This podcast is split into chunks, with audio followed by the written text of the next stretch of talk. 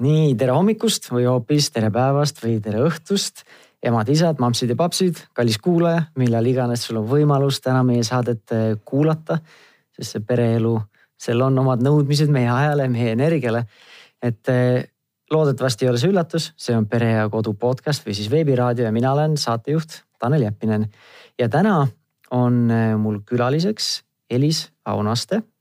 tervist, tere tulemast saatesse ja aitäh, et aega võtsid meie jaoks. tere, Tanel, tere kuulajad ja natukene taustaks ka, et meil on Elisega selline natukene võib-olla ümmargune teema püstitus, et vaatame, kus me jõuame sellega. Elis on eh, psühholoogi haridusega või taustaga ja ma ütleksin siis nagu vabakutseline ajakirjanik, et kirjutab erinevatesse ajakirjadesse, kaasa arvatud siis ka Ema ja Pere ja Kodu, kus on regulaarne kolumn sinu kirjutatud, on, on mul õigus? jah ja lisaks oled veel kahe lapsega, kahe lapse ema. olen. ja nagu ma aru sain, eetriväliselt rääkisime, siis äh, mingi koormusega töötad ka oma laste koolis äh, pedagoogina. Need on jah, need beebisammud, mida ma teen pedagoogina, et alates eelmise aasta lõpust. tundub nagu hunt kriimsilm, et seitse ametit. ja ma, ma olengi inimene, kes ei suuda ennast ühe nišiga piirata, siis mul hakkab kohutavalt sügelema igavusest mm. -hmm.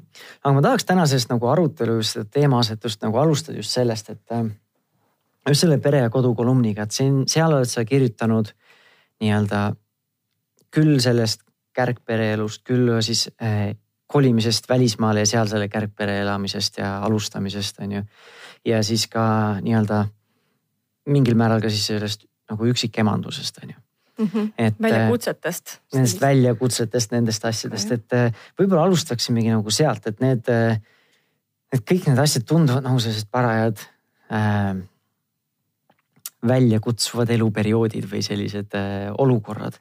et äh, mina ei ole üksikvanema elu elanud ise, me oleme oma, oma naisega nagu suhtes ja pikalt olnud, aga kui ma nüüd üles kasvasin, siis mingil perioodil oli minu ema üksikema ja, ja teatud perioodidel ta nagu, nagu me sinuga eetriväliselt rääkisimegi, et tegelikult nii mõnigi kord sa nagu võid tunda ennast üksikvanemana ka täiesti nii-öelda pealtnäha vaates äh, või vaadates sellise tavalises perekonnas, et ma ise tunnen ka, et kui ma vaatan oma lapsepõlvele, et siis äh, teatud perioodidel äh, ma tunnen, mu nagu ema tegelikult ikkagi kasvatas mind ja minu kaksikvenda üksinda olenemata sellest, et tal tegelikult nii-öelda nagu seaduses või nii-öelda oli tal see partner seal kõrval seaduslikult või siis äh, õhtuti oli ikkagi see partner kõrval, et nii-öelda eluoluliste asjadega ja otsuste tegemistega oli alati ta peaaegu üksinda.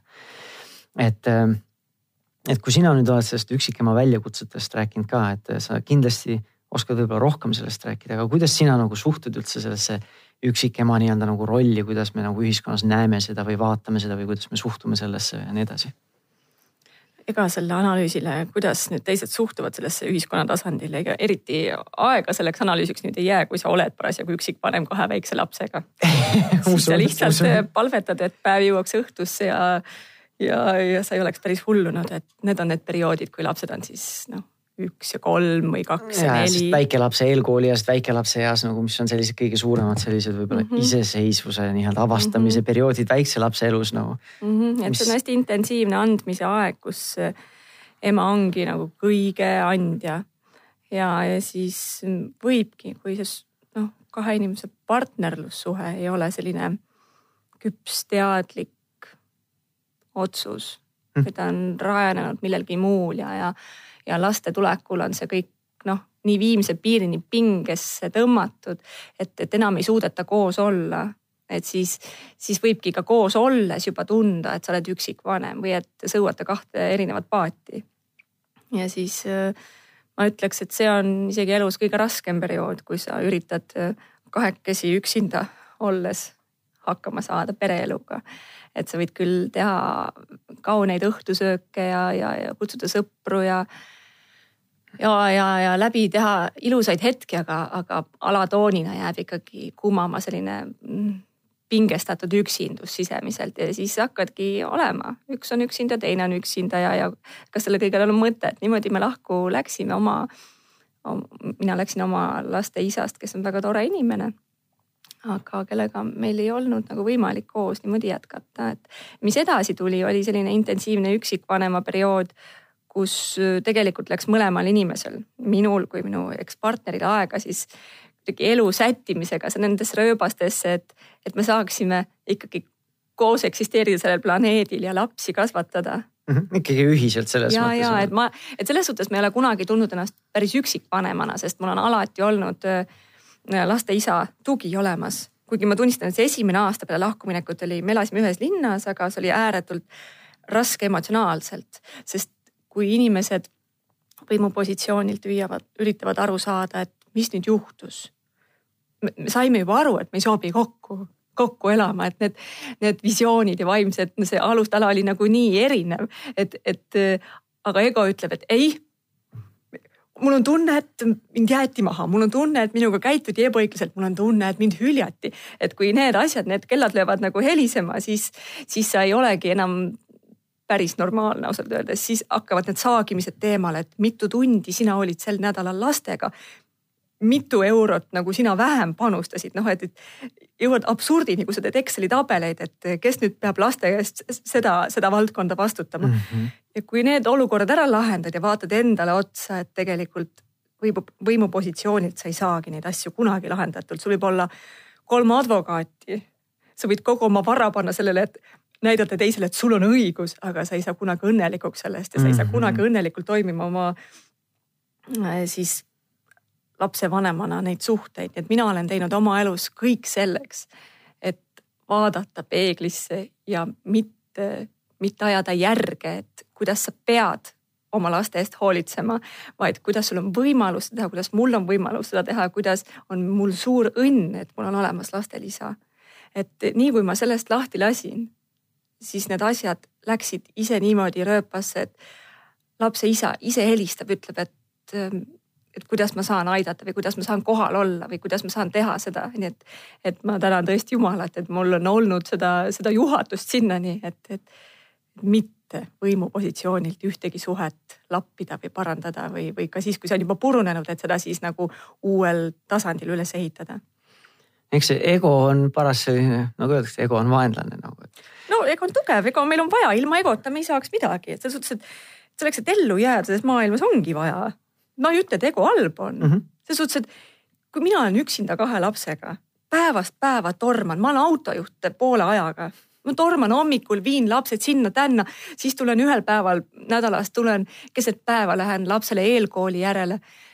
siis lähme keraamikatundi, siis lähme sinna-tänna. ühesõnaga, ma olengi autojuht põhimõtteliselt, lisaks sellele, et ma olen nagu söögitegija ja mentor ja, ja aitan vaadata, et kõik riided oleksid enam-vähem nagu olemas ja puhtad ja kõik süsteem toimiks, on ju, et siis lõppkokkuvõttes, kui minu ego ka enam poleks, siis kuhu minu vajadused jääksid, enda rahuldamine ma mhm. olen, ma olen ikkagi, minu üks suurim õppetund on olnud, suurimaid õppetunde nendel aastatel, kus ma olingi päris üksinda mis olid siis mõni aasta, kolm aastat umbes, et siis äh, kuidas ennast kehtestada, et mitte tunda ennast nagu väärtusetuna väiksena, et ja ma julgengi ütelda välja, mis on minu vajadus.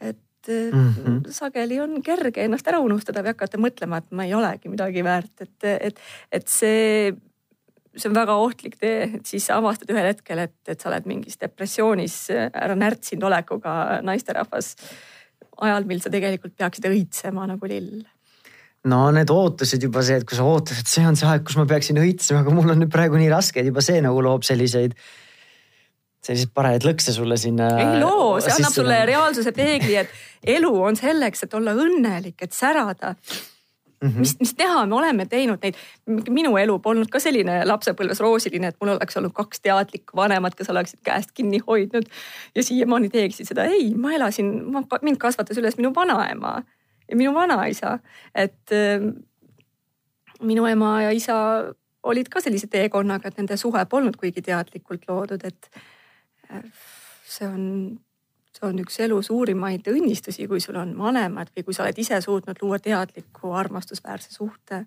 et ja, ja lapsed seal üles kasvatada mm. -hmm. mis ma selle ego kommentaariga just mõtlesin, on see, et äh, eks ma arvan, et see on sellist igas suhtes ongi see, kus ego nagu muutub nagu kinnisideeks, et sul on kinnisidee on see, et ma nagu, mul oleks õigus versus see, et nagu teha seda nagu tegelikult, mis on nagu õige, et ma kasvõi, kasvõi enda väikese lapsega või siis paari suhtega või siis enda vanematega, need lähisuhetega, mis tavaliselt on nagu võib-olla sellised kõige ma ei tea, siis plahvatusohtlikumad nagu.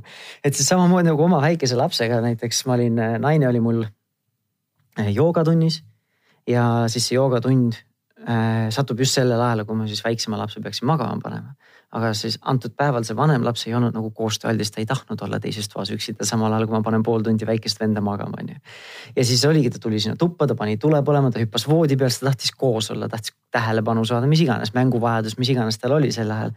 ja siis sel hetkel, kui ise läksid ka nagu keema, siis hakkasid mingit eh, sellist nagu vana sisse käidud rada käima, siis mingil hetkel nagu märkad, et nagu tegelikult ma nagu üldse ei tööta praegu selle nimel oma käitumisega, et ma saaksin selle väikese poisi magama panna vaid pigem on see, et ma tahan seda vanemat tüdrukut paika panna nagu seda nelja-aastast, et tema saaks aru, et mul on õigus ja tema ei tohi seda teha, mida ta tahab nagu.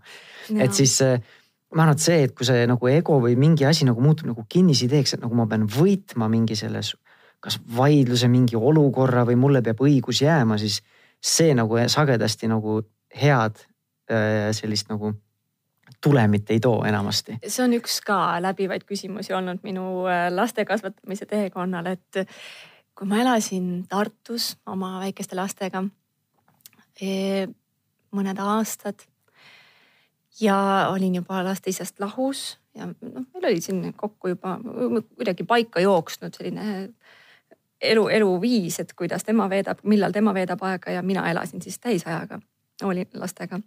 ja, ja kõik käis kuidagi nagu mõnes mõttes sellisel Tartu Tartu, Tartu stiilis boheemlaslikult. et, et oli nagu, oli, oli sõpru külas, oli mõnusaid õhtusi istumisi külalistega, lapsed. ma olin ka, ma ei käinud täisajaga kusagil tööl, ma olin selline vabakutseline ajakirjanik taaskord ja, ja eriti ei muretsenud homse pärast. ärkasime üles, vaatasime, kust poolt tuul puhub, hakkasime maalima ja, ja väga nautisin seda eluperioodi, kuigi samas oli ka väga raskeid hetki. aga, aga nagu kuidagi üldse ei morjendanud mind need raskused ja, ja kõik oli selline lõbusalt kaootiline mõnes mõttes ja siis tuli mu ellu mees, kellega ma siis ka paar aastat välismaal koos elasin ja see, vaata siis saad kokku mehega, kes on selline äh, noh, selline arhetüüpne selline sõjamees on ju, kõik on struktuuris, kõik on paigas. sa ei saa arugi, ühel hetkel ta muutub selliseks türanniks, sellepärast et sina oled harjunud olema selline lillelaps, kõik on nagu noh chill Brasil, kui ütelda. ja et, et ongi see, et ühel hetkel sa nagu otsid nagu elust seda struktuuri ja teisel hetkel sa tahad pakkuda lastele vabadust. ja, ja siis ma olengi nagu käinud nende kahe pendli kahes otsas mm -hmm. nagu, et ühelt poolt, et kuidas nagu kuulata, kui laps tahab nagu seda tähelepanu sinult, kuidas olla ta jaoks olemas. ja siis avastad, et ta istub sul ju pähe ju. et kuidas nüüd ennast kehtestada ja siis avastad, et issand, nüüd olen mina türann. ega mul pole siiamaani vastust, kus on see täpne piir, kus tõmmata, kus ütelda, et sa teed, sa pesed oma hambad puhtaks kohe ja lähed, paned riidesse või ütelda, et ah, et sa ei soovi täna hambaid kohe pesta, et tahad kolme tunni pärast seda teha, et ma saan aru, et võib-olla sul on loominguline impulss tõesti nagu seda legot praegu kokku panna, et sul on vist õigus, et ega ma täpselt ei tea, kust see piir jookseb. Ma arvan, et see on selline asi, mida me paljud lihtsalt otsimegi ja, ja ma arvan, et väljaspoolt on seda väga raske ju öelda, et kuidas minu peres nüüd keegi teine ütleb, et kuidas mina, mina enda peres peaksin tegema nagu, et paljuski peadki nagu mina tunnen, ma pean enda sisehäält lihtsalt kuulama nagu. aga mõnikord on teiste peegeldus väga hea. ei kindlasti, aga lihtsalt see, et keegi väljaspoolt ei saa nagu sul sula tõtt öelda, et ja, ta saab ja. sulle peegeldada, anda sulle mõtteid mm, -hmm. aga mina ise, ma tunnen, et ma pean ikkagi nagu otsustama, mis minu peres on õige, mis minu mm -hmm. väärtuste jaoks on õige nagu. jah, keerulisemaks läheb siis, kui see väljaspoolt inimene äkki on sinu pere osa Mm -hmm. sinu uus pereliige ja siis te üritate need pääse... erinevad filosoofiad paika panna, klappima panna et, sellel perioodil oli neid õhtuid, kus lapsed trilliti ära nagu, et kui te ei tee seda, kui te ei söö toitu lõpuni, siis lähete magama ilma söömata. ma tegin seda, mu sisemus nuttis lahinal, kui ma ütlesin mu tütrele, nüüd on niimoodi, et kui sa seda toitu ära ei söö, siis sa lähed ilma söömata magama, mida ma polnud kunagi elus teinud, mis polnud kunagi olnud minu lapsepõlve osa. tulemus oli see, et läkski üks nuttev laps hästi vihaselt magama. noorem laps sai sellest sellise õppetunni terveks eluks, kus ta ei ütelnud ühtegi sõna, sõi kõik lõpuni nagu ka kõik järgnevad oma toidukorrad oma elus. ja ta on, ta on, ta on ülihea, ta on liiga hea laps. ja mul on tunne, et äkki, äkki seda oli liiga palju. äkki oleks poleks, et isegi vaatluse abil ta nagu treeniti niimoodi ära, et ta ei julge paha laps olla. tal ei ole vaba tahet nagu või? et, et ta, et mida ta mõtleb, mis see siis on, mis võib juhtuda, mis see nii halb on, et, et mõnikord ma tahaks lausa nagu ütelda talle, et ole paham. ole sõnakuulmatu mm testi natuke piire või? testi jah, natukene piire, et aga noh, seal on nii palju küsimusi, kus on kaks tütart, kes on nagu suhteliselt väikese vahega, mul on üks aasta kümme kuud neil vahet, et siis mm -hmm. see üks on selline pioneer, teejuht, sõjamees, oraator ja, ja see valitseja. teine on selline armas tüdrukuke, kes, kes teeb kuidas vaja, eriti kui konfliktsituatsioonid on, siis tema võtab ruttu pürsti ja ja Kühvli hakkab koristama tuba igaks juhuks, et rohkem pahandusi ei tuleks. et, et ta nii vaatab selle järgi, kuidas õde teeb või mida, mis õega juhtub ja, ja võtab hästi selle endale eeskujuks, joondab end selle järgi, et, et kuidas siis seda teist last kasvatada kes juhtumisi on ka tütar, et mõned noh, mingid sarnased asjad on ju neil õppimisprotsessis, et kuidas teda kasvatada ka nagu vabam olema. vot see on nii palju küsimusi on ja kui sa oled üksinda selles kõiges, sul pole ka mehelikku tagasisidet, siis on, siis on see minu meelest äärmiselt keeruline.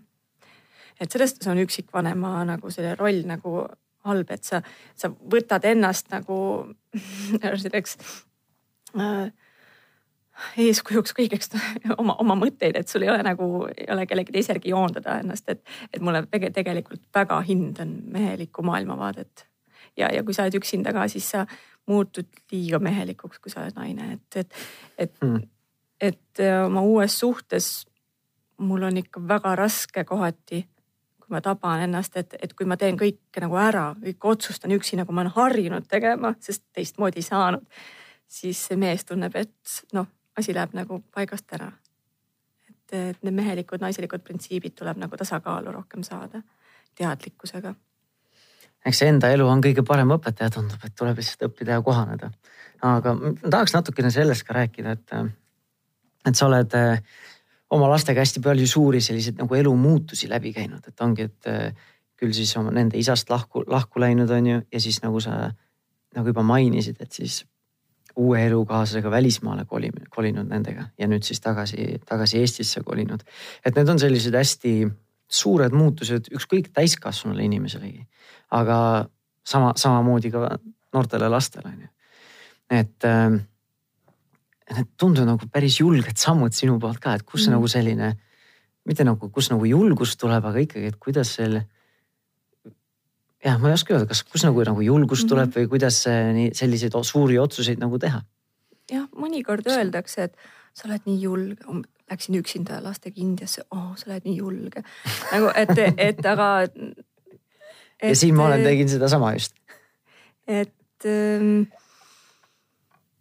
mina usun siiralt, et kui lapsevanemad on nagu kindlad selles või noh, no niimoodi ei saa ka ütelda, et kui nad kindlad selles, et mis nemad teevad, on õige, et siis nagu kui, kui see otsus on nagu täiskasvanute poolt vaagitud ja, ja hea, laste vajadused on nagu täidetud, siis ma usun, lapsed, noh, lapsed on meeletult head kohanejad mida lapsed kõige rohkem vajavad, on ikkagi turvatunne.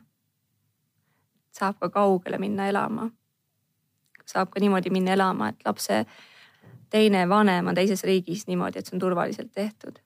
et tegelikult ma usun, need välised asjaolud on sekundaarsed. primaarne on minu kui ema suhtumine laste isasse kui ma, kui ma ütlen lastele, teil on ju nii hea isa, kuulake ta sõna, aga sisemuses ei austa teda, siis mis see mees on? see mees on laste silmis, lapsed ei loe kunagi sinu sõnu, mis sa kirjutad, on ju, suuri sõnu kolumni.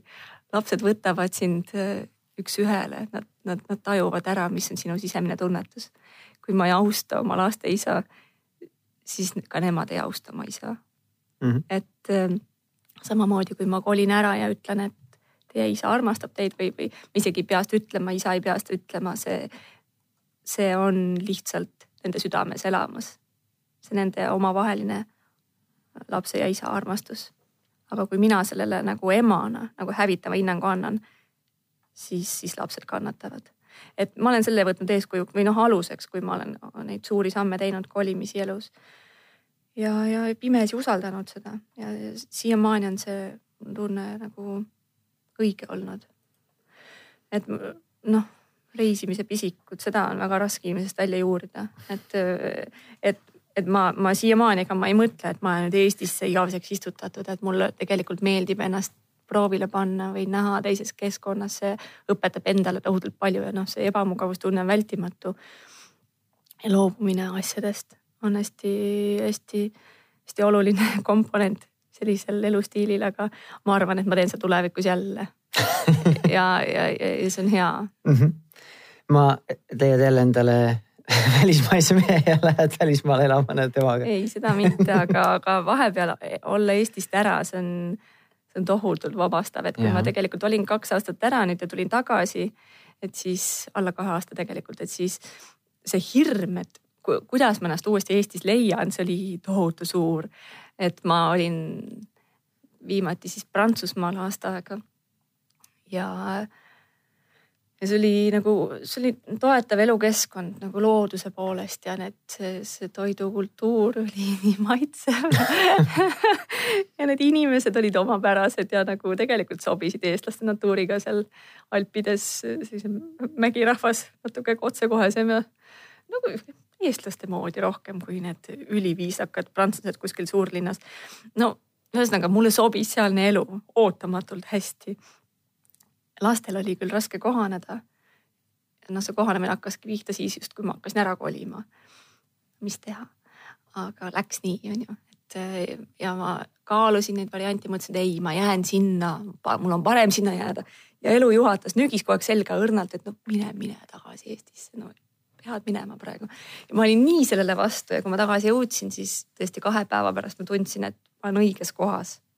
Aga see ei tähenda seda, et ma tõesti kahe aasta pärast võib-olla ei tahaks jällegi elada pool aastat või aasta kusagil niimoodi reisil, et ma, ma olen selline kohaneja tüüp. Mm., et, et mind ei saa istutada ühte kohta, ütelda elan nüüd selle elu lõpuni. Ja vabandust väga, kui mu lapsed on mind valinud sellise vanemana, siis isegi kui nad protestivad selle vastu, siis pole midagi, see otsus on neil juba tehtud nüüd. Ammuilma nii on. Ja no selles mõttes ma nagu nõustun sinuga, et et kuskil tuleb nagu see balanss leida, et ei saa päris nagu nii-öelda lastest võib-olla üle sõita ja nende vajadustest, alati tuleb nagu nendega arvestada. aga lapsed ei saa nagu teha selliseid elulisi suuri otsuseid vanemate eest, sest nad ei ole lihtsalt võimelised ja nad ei ole võimelised vastutust võtma. isegi selliseid otsuseid, et äh, minnakse lahku ja vanemad ütlevad lapsele, küsivad lapse käest, et kummaga sa tahad elada. minu meelest see on lausa kuritegelik. See lõhub lapse psüühika ära, sest laps peab justkui poole valima mm.. aga mit, laps ei vali ju poolt. laps ei tohi kunagi, laps ei saa pooli valida, laps armastab tingimusteta mõlemat vanemat, isegi mm -hmm. kui üks vanematest on täiesti disfunktsionaalne näiteks. et ähm, vanemad peavad alati kõik otsused tegema, ütlema lapsele niimoodi me oleme otsustanud ja siis laps leiab selle turvatsooni, kus kasvada. noh, suuremaid otsuseid kindlasti, kindlasti saab teha ka väiksemaid otsuseid, kuule, mis me teeme, kas sa tahad täna sarvemakarone või see on valik, see, see on, see on selle lihtne valik jah. ja, et, et aga sellist nagu elulisi otsuseid ma nagu tunnen ka, et nii mõnigi kord vanemad nagu, kui nad tahavad nii-öelda hästi sellist tänapäevast või hästi selliselt äh, koostöös või rahumeelselt lapsi kasvatades, nad sagedasti panevad lastele liiga suure koorma otsustuskoorma, vastutuskoorma, milleks nad ei ole võimelised noh. äh, küll siis võib-olla nii-öelda selles mõttes nagu teadlikult, et nagu paludeski neil mingeid otsuseid teha suuri, milleks nad ei ole valmis, on ju. või siis ka mõnikord selles, et nagu alateadlikult kuidagi lastele jõuavad sõnumid kohale, nüüd laps vastutab selle vanema õnne või õnnetuse eest, et siis nagu laps, laps ei tee vanemat õnnetuks või õnnelikuks, nagu see ei ole tema ülesanne ja temal ei ole sellist vastutust ja kui tal on see vastutus, siis see nagu võtadki nagu selle lapsepõlve nagu talt lõpuks ära no.. mina arvan siiralt, et eh, on ainult üks laps, keda me saame kasvatada. ja see on meie enda sisemine laps, kes tuleb eriti hästi nähtavale siis, kui me ühel päeval oleme lapsevanemad. nii et minu töö on ainult töötada oma sisemise lapsega. keda käivitavad siis minu lapsed, kes kasvavad, minu partner ja need toovad välja kõik minu düsfunktsionaalsused, minu väike laps hakkab märatsema, jonnima. vot sellega ma pean töötama, see on ainus laps, keda ma saan kasvatada, teised lapsed, kes minu elus on, minu enda lapsed kaasa arvatud, ma saan neid austada ja neid nagu tähelepanelikult jälgida. Nende piire natuke kohandada, nagu tõmmata, et vot siit pole hea, kui sa üle lähed. sest vastasel juhul juhtuvad sellised ebamugavad tagajärjed minu jaoks, meie perekonna, meie ühiskonna või meie sinu kooliklassi jaoks. ma saan teda alati juhatada, aga ma ei, ma ei saa teda tegelikult kasvatada. ma pean ennast kasvatama, sest noh ebamugavad on need hetked, olin rongis, sõitsin just üle pika ja ma ei julgenud autoga sõita, nii lumine oli tee. sõitsin, läksin rongiga, väga meeldiv oli, sai seal tukkuda ja oma mõtteid mõelda, ei pidanud auto, autoroolist kinni hoidma kahe käega ja siis on jälle huvitav peegeldus, istub üks noor naisterahvas oma sellise, noh, ma ei tea, viieaastase tüdrukuga. ta ei tee mitte midagi pahandust, see tüdruk veel, rong veel sõitmagi hakanud, kui ema juba pahandas, noh kasvatatakse, noh üritatakse kasvatada last, kas ta tõesti siiralt arvab, et ta kasvatab seda last, kui laps pillas küpsise paki maha, küpsised on seal porise põranda peal, ema ütleb no palju õnne ja ta ütles seda kolm korda. no palju õnne, esiteks sarkasmiga sa ei kasvata last. No lapsed ei, näitad... ei räägi sarkasmi nagu nad ei saa. ja nad ei mõista seda ja kes rääkis, oli selle naise enda väike laps, sisemine laps, kes, kes jonnis, keda oli võib-olla niimoodi kasvatada üritatud.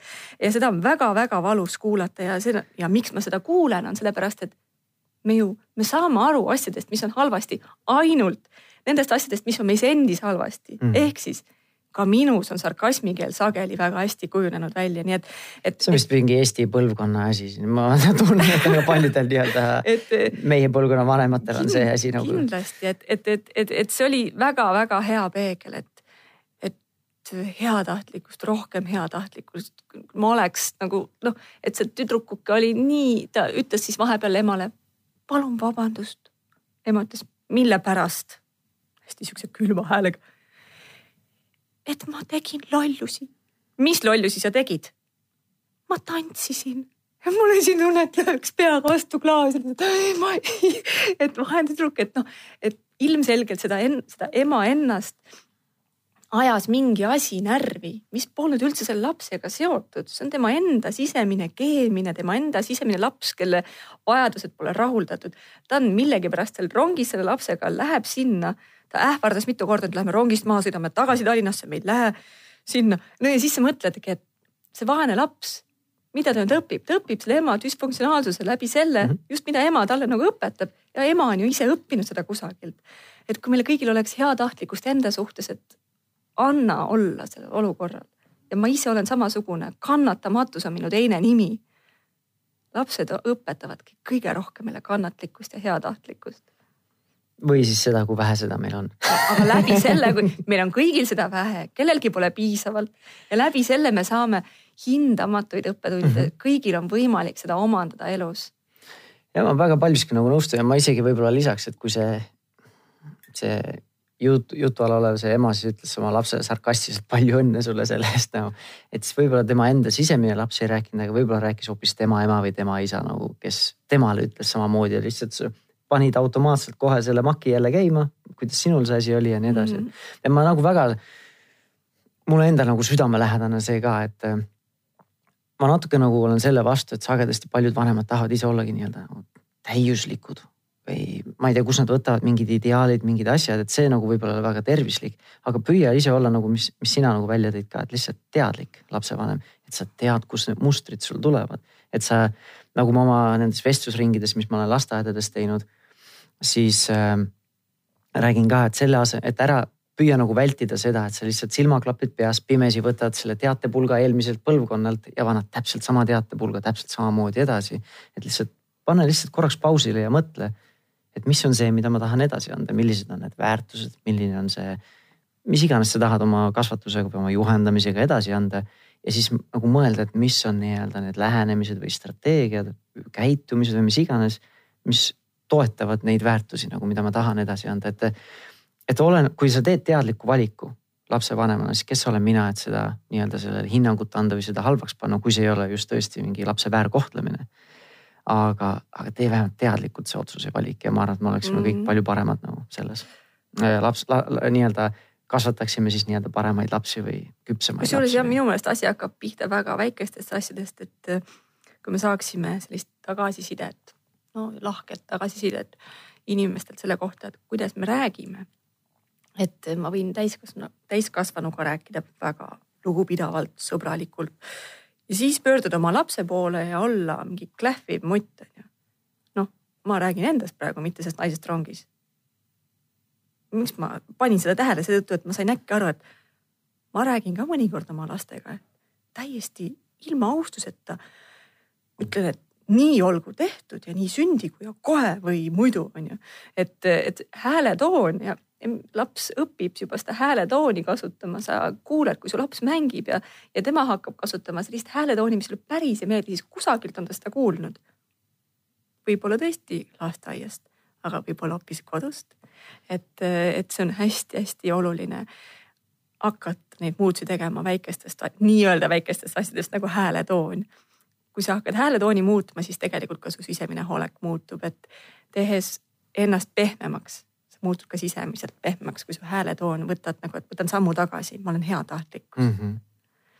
vahepeal on selline, kui kõrvalt, kõrvalt on alati lihtsam neid asju näha et sa, et sa teise silmas märkad ja..., teise silmas märkad seda pindu, aga enda silmas ei märka palki ka nagu. et, et nagu sina ütlesid ka, et vahepeal ongi see, et mõnikord ei olegi vaja, et keegi teine ütleb sulle, aga kui sul oleks võimalus iseennast kõrvalt kuulata, keegi lindistab ja sa ise või sa ise lindistad ja sa kuulad, siis juba võib-olla näed, kuuled neid samu asju nagu aga just sellest rääkida, sellest hääletoonist ja sellest, et vahepeal ongi nagu nii nagu kõrvalt on seda lihtne näha, et sul nagu nii risti vastupidised nii-öelda sõnumid, et sa ütled ühele lapsele ühte asja, ütle lihtsalt, et laps on näiteks, tahad teda maha rahustada või püüad aidata teda maha rahustada. ja siis, kui sa ise käratad, et rahune maha nagu, et siis nagu kumma sõnumi see laps siis eh, nagu vastu peab võtma selle nagu need sõnad, mida sa ütled või siis see, kuidas sa ütled ja kuidas sa käitud ja kuidas sinu olek on ja nii edasi, et. et sa nagu ei saagi oodata, et laps maha rahuneks niimoodi, kui sa niimoodi käitud. et, äh, et sellepärast üks asi ongi see perspektiiv, et suuta iseennast kõrvalt näha, aga paljuski natukene aitab seda teekonda ikkagi alustada, ükskõik need suhtlemiskoolitused, olgu, olgu ta siis Gordoni perekool, olgu ta siis see on paar, isegi paarisuhte koolitused aitavad lapsevanema asju, olgu see prep või olgu see imago või, või muud asjad nagu.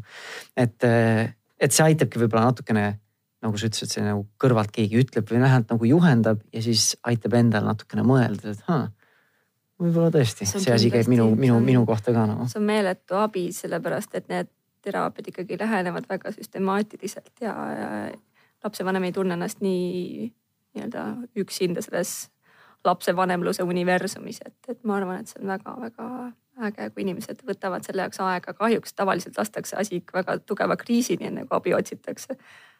aga tegelikult võiks, võikski seda iga inimene teha mm. -hmm. nagu sa enne mainisid ka, et natuke tagasi tulles see, et kui sa rääkisid, et kui juhtub, et lapsevanemad lähevad lahku ja et siis vahet ei ole, milliseid sõnu ma kasutan oma endise partneri kohta või laste teise vanema kohta, et kui sul endal ikka, sa ise oled nagu sees, oled sappi täis, et see nagu tuleb välja nagu see paistab välja, et lapsed nagu kuulavad ja võtavad omaks väga palju seda mitteverbaalset suhtlemist. et kui me ühes varasemas saates rääkisime ka, oli vist Kärt Kase oli üks tera-, pereterapeut, kes räägib just kärgperest palju on ja, ja sel teemal nii-öelda nõustab inimesi ka, siis seal saates me rääkisime täpselt samamoodi, et, et olenemata sellest, no mitte olenemata peremudelist, aga ikkagi, et, et see iseenesest võib-olla ei olegi nagu nii suur eeldus, et laps kasvaks tervislikus keskkonnas, et need lapsevanemad omavahel armastavad, aga nad peaksid teineteist austama vähemalt mingil tasemel. et kui sa ikka selja taga igal pool või isegi ongi selja taga nii-öelda mustad teineteist, et siis see nagu õõnestab kogu seda nii-öelda pere seda no,. sõnad on juba väga tugev relv, mõte on ka oluline, aga, aga kui sa juba räägid halvasti, siis on see juba midagi väga-väga halvasti selles suhtes ja, ja sinu endaga, et. et ja, ma nõustun sinuga täielikult. et kui me nüüd hakkame otsi kokku tõmbama ja kokkuvõtvalt rääkima, siis millest me siis rääkisime, sellest, et millest me siis rääkisime? Nendest väljakutsetest, mis iga, iga lapsevanema, ole see üksik, üksikvanem või, või mitte, mis meil palju, paljudel nagu ühis, ühine on.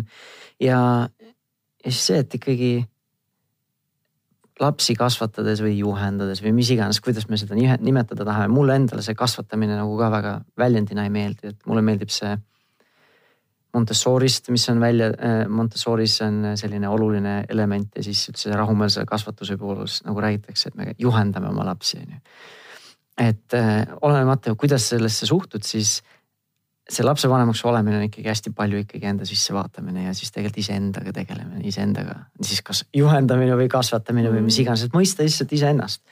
ja ma ise tunnen küll, et lapsevanemaks saamine nii-öelda natukene nagu andis selle lükke seda võib-olla isegi rohkem teha kui senises elus, sest senises elus ongi need kõik need sellised sügavamad mingid traumad või väiksemad traumad, mis iganes sa oled kaasa saanud selle pärandi enda lapsepõlvest, need on kuskil nagu vaiba all, sest need ei tule nagu välja, aga siis kui need väikesed, väikesed eh, lapsed tulevad sinu ellu, siis nad võtavad kohe suurendusklaasiga need nii-öelda luubi alla need ja, asjad nagu. et eh, kõik need vaimsed õpetused võivad nagu kuu peale minna pärast nagu sa lapsevanemaks saad, siis saad aru, et siis hakkab õige vaimne kasv. see on nagu nii suur potentsiaal kasvamiseks. see on nii suur kingitus, kui sa oled lapsevanemaks saanud oleneb, kuidas keegi võtab, võib-olla kingitus, mõnele võib-olla selline. iga väljakutse on ju väga suur kingitus, sellepärast et, et äh, see annab sulle tohutu võimaluse oma, oma, oma teemadega tegeleda ja, ja kuhugi nagu rahumeelsemasse ja paremasse kohta edasi jõuda inimesena mm. -hmm. ma viimasel ajal olen päris palju baariterapeutidega suhelnud ka ja oma selle tasulise programmiga, kus me meil üks selline terve kuu ongi rääkida sellest, kuidas siis see paarisuhe saada teisele paremale, intiimsemale tasemele. ja siis äh, seal, seal on nagu samamoodi, et äh, need sügavad nii-öelda need teemad ja asjad, olgu see indiviidi tasemel või paari suhtes, et siis äh, see võib olla ebamugav neid asju päevavalgele tuua ja ise võib-olla neid tunnistada.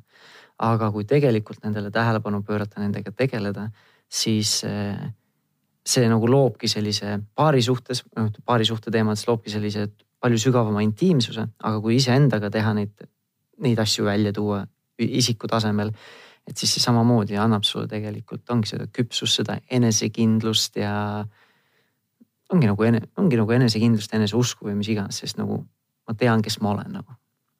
ja, ja ma alati vaatan ka selle peale, et mida ma sooviksin oma lastele et ma tõesti sooviks, et nendest saaksid kunagi sellised väärikad naisterahvad, kes nagu teavad, kus nad nagu, kus nad nagu elus viibivad ja mida nad vajavad ja kuidas seda maailmale edastada sellise armastuse õhkkonnas vägi, vägivallatult, et, et ma alati noh, lõpuks lähevad teed, viivad sinnani, et mida ma tahan edasi anda, mida ma tahan pärandada oma lastele, et see on kõige-kõige olulisem, et ma ei, ma ei näegi, et midagi oleks praegu olulisemat elus.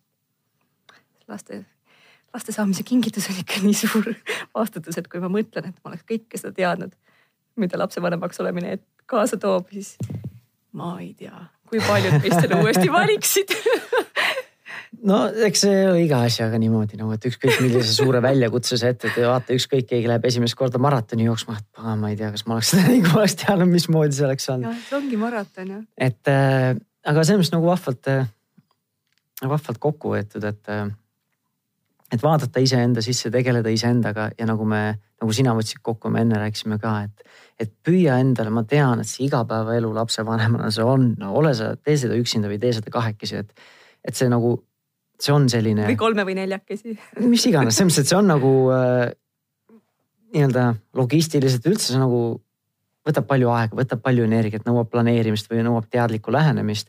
et proovi lihtsalt leida aega ja mõeldagi, et mis on see, mida ma püüan edasi anda ja proovi siis mitte täiuslikult, aga proovi lihtsalt rohkem oma valikuid ja oma, oma, oma valikuid teha just sellest lähtuvalt nagu.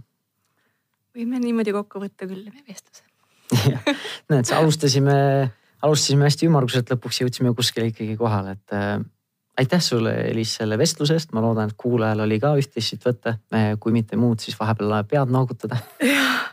vot jah, ma loodan ka, et keegi leiab midagi enda jaoks sellest. vähemalt mina kindlasti leidsin, aitäh, et sa mind kutsusid. -hmm. aitäh sulle ka, aitäh kuulajale, kes sa võtsid vaevaks investeerida siis see kolmkümmend, nelikümmend minutit koos meiega ja kutsun sind kuulama ka meie järgnevaid või kui sa ei ole kõiki varasemaid saateid ära kuulanud, siis kuula ka neid ära. siis meil on väga põnevaid vestlusi olnud, mõni võib-olla kõnetab sind rohkem kui teine.